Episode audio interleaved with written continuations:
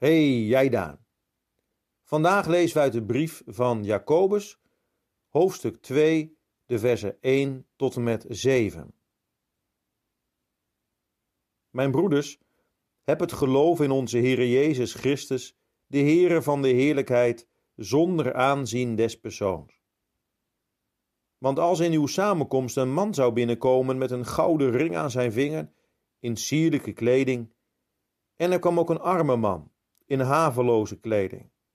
En u zou hoog opzien tegen hem die de sierlijke kleding draagt en tegen hem zeggen: Gaat u hier zitten op een mooie plaats. En je zou tegen de arme zeggen: Ga jij daar maar staan, of ga hier maar zitten bij mijn voetbank. Hebt u dan niet onder elkaar een onderscheid gemaakt en bent u zo geen rechters geworden met verkeerde overwegingen? Luister, mijn geliefde broeders, heeft God de armen van deze wereld niet uitverkoren om rijk te zijn in het geloof en erfgenamen te zijn van het koninkrijk dat hij beloofd heeft aan hen die hem liefhebben? U hebt daarentegen de armen schandelijk behandeld. Zijn het niet de rijken die u overweldigen en slepen juist zij u niet naar de rechtbank? Lasteren zij niet de goede naam die over u is aangeroepen? Stel je voor dat jij op school of op je werk, in de aula of in de kantine zit te eten. En naast jou is nog een plekje vrij. Maar op dat ene plekje willen graag twee mensen zitten. Ze komen allebei aanlopen, maar je kent ze allebei niet.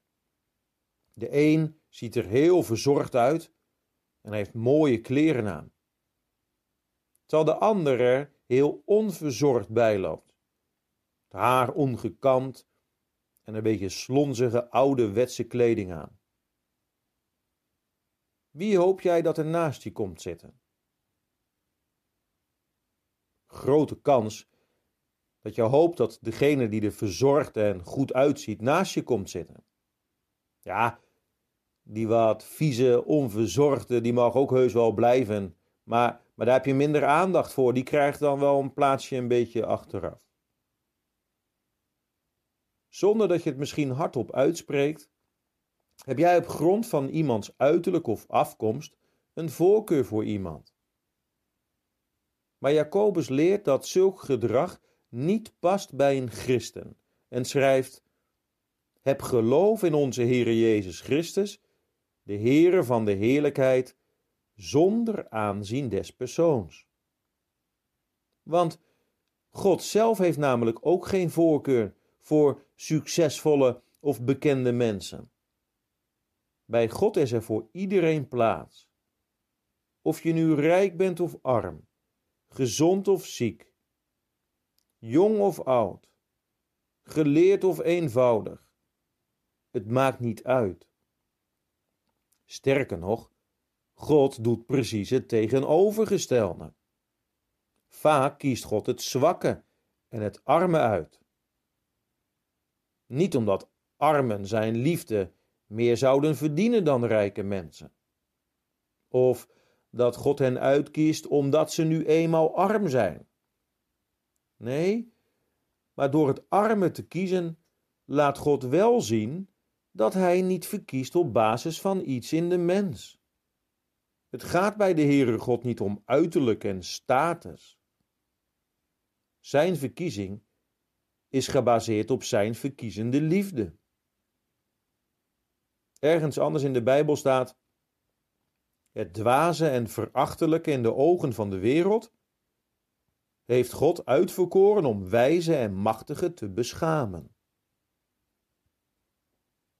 God kijkt daarom ook niet naar de buitenkant. God vindt het niet belangrijk of je er goed uitziet of succesvol bent. Wij mensen kijken vaak wel naar de buitenkant. Maar de Heere kijkt als het ware door de buitenkant heen, rechtstreeks in ons hart. En weet je wanneer je echt rijk bent in dit leven? Als je gelooft in de Heere Jezus Christus dan heb je meer bezit en rijkdom dan de meest succesvolle persoon in deze wereld die niet gelooft. Nee, dan heb je als kind van God misschien niet zoveel geld.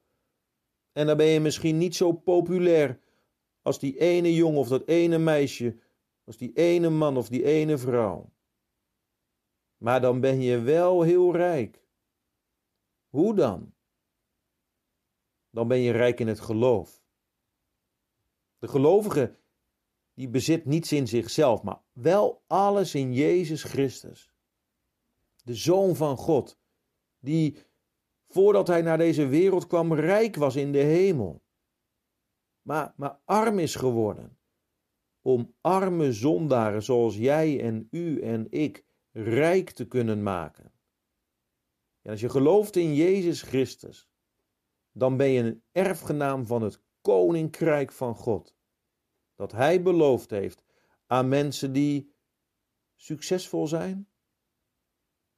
Of er goed uitzien? Nee, aan mensen die Hem liefhebben. Zullen we samen bidden? Heere God in de hemel, wilt u ons vergeven?